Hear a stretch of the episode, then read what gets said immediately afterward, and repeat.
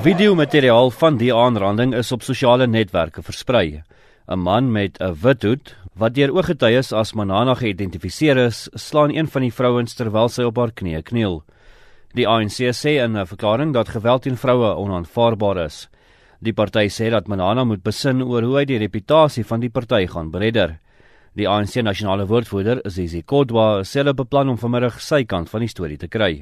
That's the reason we adopted uh, integrity commission to say we must deal with issues that we think in our view they damage the integrity and the image of the African National Congress.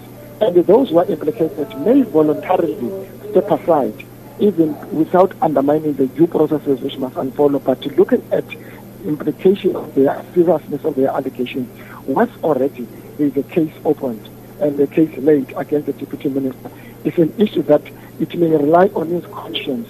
What he thinks he has to for the African National Congress.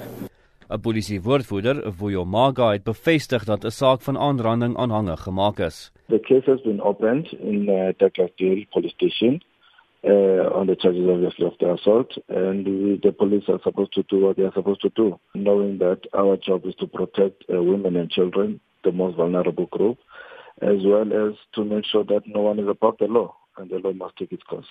'n SAK joernalis, Lumko Jemlongo, was in die restaurant tydens die voorval. From the table not too far away from where we were sitting was the Deputy Minister of Higher Education and Training with a few of his friends. And then all of a sudden there was a bit of an altercation, like verbally. And then the next thing we saw there was like a scuffle, and I was getting physical. And as the one lady got up and tried to walk towards the entrance, the deputy minister then struck her. And she fell and he trampled her with his foot on the head, on the face. Nobody was doing anything. The bouncers were there. The manager was there. Some of the waitresses and waiters were there. And at this time, he was pulling her by the hair. And then he continued hitting this woman. Een van die vroue, Mandisa Duma se broer, Pesheya, sê hulle is erg beseer.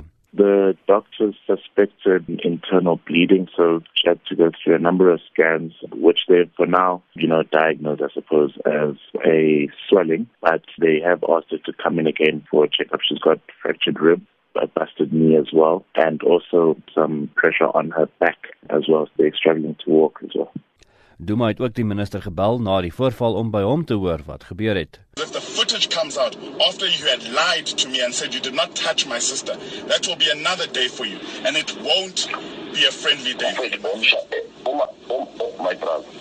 will not be a friendly day. If she insults me and call me gay, I slapped her.